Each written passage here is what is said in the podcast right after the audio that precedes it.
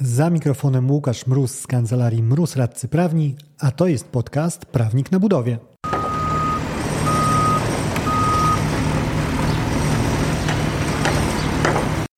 W tym tygodniu czeka mnie pierwsza rozprawa przed sądem okręgowym w sprawie kar umownych naliczonych przez zamawiającego za nieterminowe usuwanie wad. Nic nadzwyczajnego, w końcu jestem prawnikiem, więc pisanie pozwów i później przepychanie tematu w sądzie to klucz mojej pracy. A skoro jestem prawnikiem, to też można zakładać, że w tych pozwach, które piszę, sporo prawa jest. Nie do końca. Co mógł przeczytać sąd w naszym pozwie w tej sprawie, którą będę rozpoczynał w tym tygodniu? Z 41 stron, 9 zawiera argumentację prawną, co jest i tak sporą liczbą, biorąc pod uwagę moje standardy. 9 zajmują wnioski dowodowe, a właściwie 11, ponieważ dodaliśmy do tego jeszcze dodatkowy wniosek dowodowy złożony już po wniesieniu pozwu, a pozostałe 22 karty to przedstawienie faktów dotyczących sprawy. Skąd te proporcje?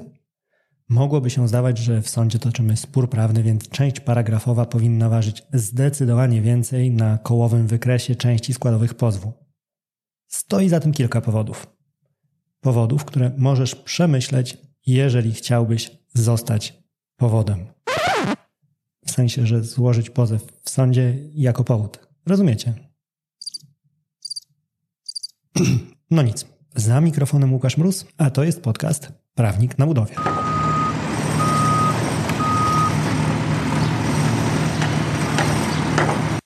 Budownictwo ma swój walny wkład w obłożenie sądownictwa. Tematy takie jak roboty dodatkowe, kary umowne czy wady robót są regularnymi gośćmi wokant. Przez to sędzia prowadzący sprawę z dużym prawdopodobieństwem nie potrzebuje kompleksowych wyjaśnień co do aspektów prawnych. Co innego okoliczności współpracy stron. Z nimi nie miał styczności. Słyszy zazwyczaj dwie konkurencyjne narracje i próbuje poskładać z nich jeden spójny obraz. Przy okazji, e, pamiętaj proszę, z Twojej perspektywy oczywistym jest, że to Twoja strona opowieści jest tą właściwą, ale tożsame podejście ma Twój przeciwnik. Sąd natomiast nie ma podstaw, żeby przyjmować z góry, że któraś z Waszych prawd jest prawdziwsza. W każdym razie, im bardziej rzetelnie przedstawisz sądowi fakty, które popierają Twoje żądania, tym większą masz szansę na uzyskanie korzystnego rozstrzygnięcia. Zakładając oczywiście, że nie jesteś jedyną osobą, która jest święcie przekonana, że masz rację.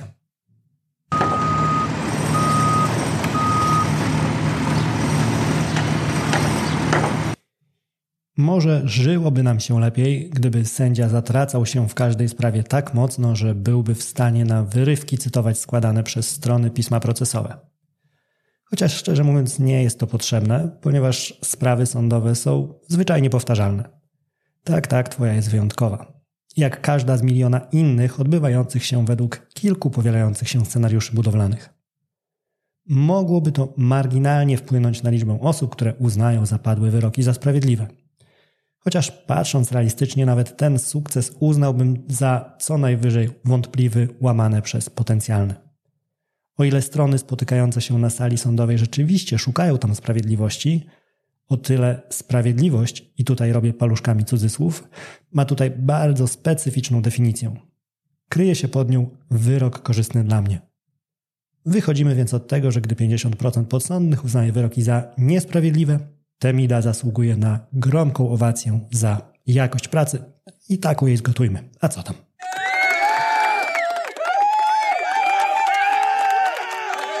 Ok, odpłynąłem trochę od głównego nurtu, nie o tym miał być ten punkt.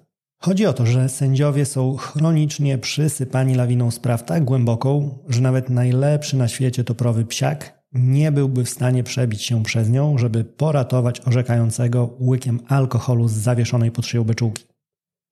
Ostatni już zjazd z autostrady głównego wątku? Wszelkie zmiany w sądownictwie, o których mogłeś słyszeć na przestrzeni lat w materiale z napisem na belce teraz to już naprawdę będzie lepiej – to kolejne edycje tynkowania budynku o walących się ścianach nośnych.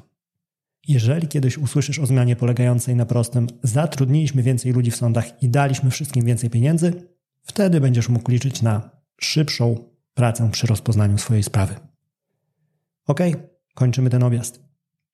Sędzia nie ma warunków do tego, żeby poznać detale sprawy lepiej od ciebie. Jeżeli pracujesz w większej firmie, pomyśl o kontakcie z nim jako przekazywaniu info na piśmie zarządowi spółki. Wrzucasz tylko to, co ważne, a później dodatkowo jeszcze to ścinasz. Zostaje same mięso.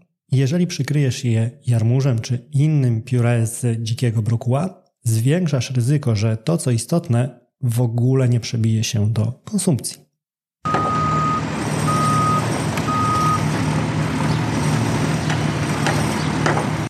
Rzecz ostatnia, czysto warsztatowa. W sporach gospodarczych, a z takimi mamy w kancelarii do czynienia najczęściej i z takimi ty też będziesz się najpewniej borykać na tle umowy o roboty budowlane, istnieją bardzo restrykcyjne zasady przedstawiania zestawu dowody and fakty. W teorii ma to zapewnić szybsze rozpoznanie spraw. Bo ma przecież sens, żeby wymagać od strony karnego napisania o wszystkim na samym starcie przygody procesowej, chociaż później będzie czekała kilka miesięcy na wysłanie przez sąd odpisu pozwu przeciwnikowi i dalszy rok na pierwszą rozprawę. Niezależnie od tego, jak oceniać takie rozwiązanie, źle, trzeba się do niego dostosować. Jeżeli więc widzę okoliczność, która może przybliżyć nas do wygrania sprawy, ładuję ją do działa pozwowego i odpalam w siedzibę sądu. A jeżeli co mniej prawdopodobne, przyjdzie mi do głowy nowy pomysł prawny na zmiksowanie posiadanych już składników faktowych na nowe danie, albo co bardziej prawdopodobne, jakiejś kwestii czysto prawnej nie będę celowo chciał na starcie akcentować, żeby nie naprowadzać na nią przeciwnika?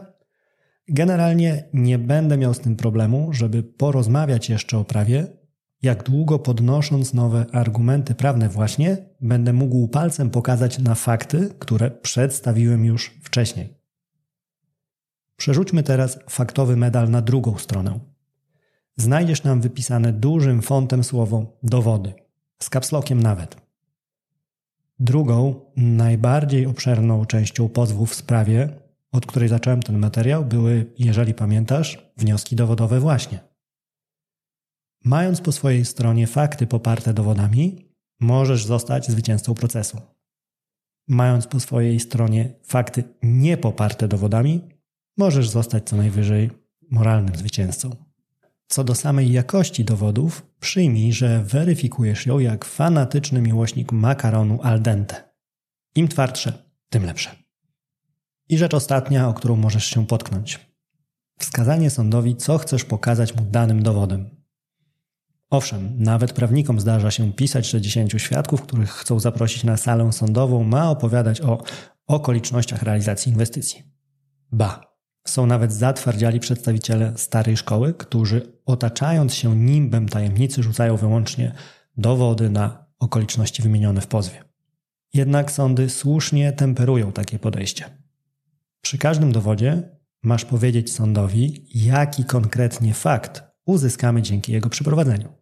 Będzie to na przykład to, że świadek Iksiński potwierdzi, że na naradzie koordynacyjnej w dniu Y podwykonawca otrzymał dokumentację zamienną do swoich robót.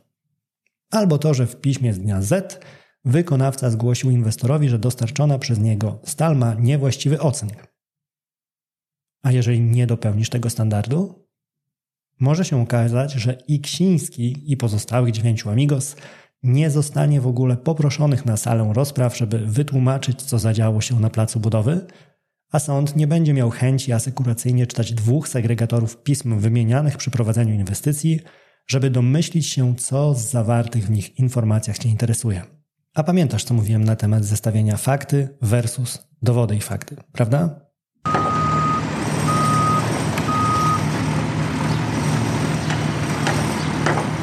Urodził się z tych przemyśleń wcale nie krótki materiał. Zastosuję więc na koniec inną taktykę, którą można przyjąć dla zwiększenia lekkostrawności pozwu.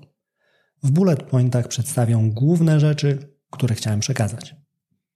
Po pierwsze, nie prowadzisz podyplomówki dla sędziów sprawnych aspektów sporów budowlanych. Nie rób więc z pozwu monografii prawniczej z omówieniem wszystkiego od podstaw. Po drugie, z perspektywy sądu wersja wydarzeń Twoja i Twojego przeciwnika ma równe szanse na bycie tą prawdziwą. Nie obrażaj się na to. Po trzecie, kompleksowe przedstawienie faktów ważnych dla oceny Twoich żądań równa się większa szansa na korzystne rozstrzygnięcie. Po czwarte, sędzia nie ma możliwości, żeby poznać Twoją sprawę tak wnikliwie jak Ty sam. Wracamy do tego, nie obrażajmy się. Po piąte, pozew to serwowany sędziemu posiłek. Mięso ma w nim dominować w stopniu, który doprowadziłby weganina do omdlenia. Punkt numer 6. Faktami prowadzisz ogień zaporowy.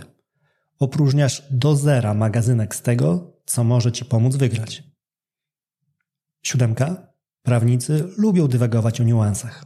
Na aspekty czysto prawne podywagujesz więc nawet później niż w pozwie, o ile przeprowadzisz wcześniej ostrzał, o którym mówiłem w poprzednim punkcie. 8. Mając po swojej stronie fakty poparte dowodami, możesz zostać zwycięzcą procesu.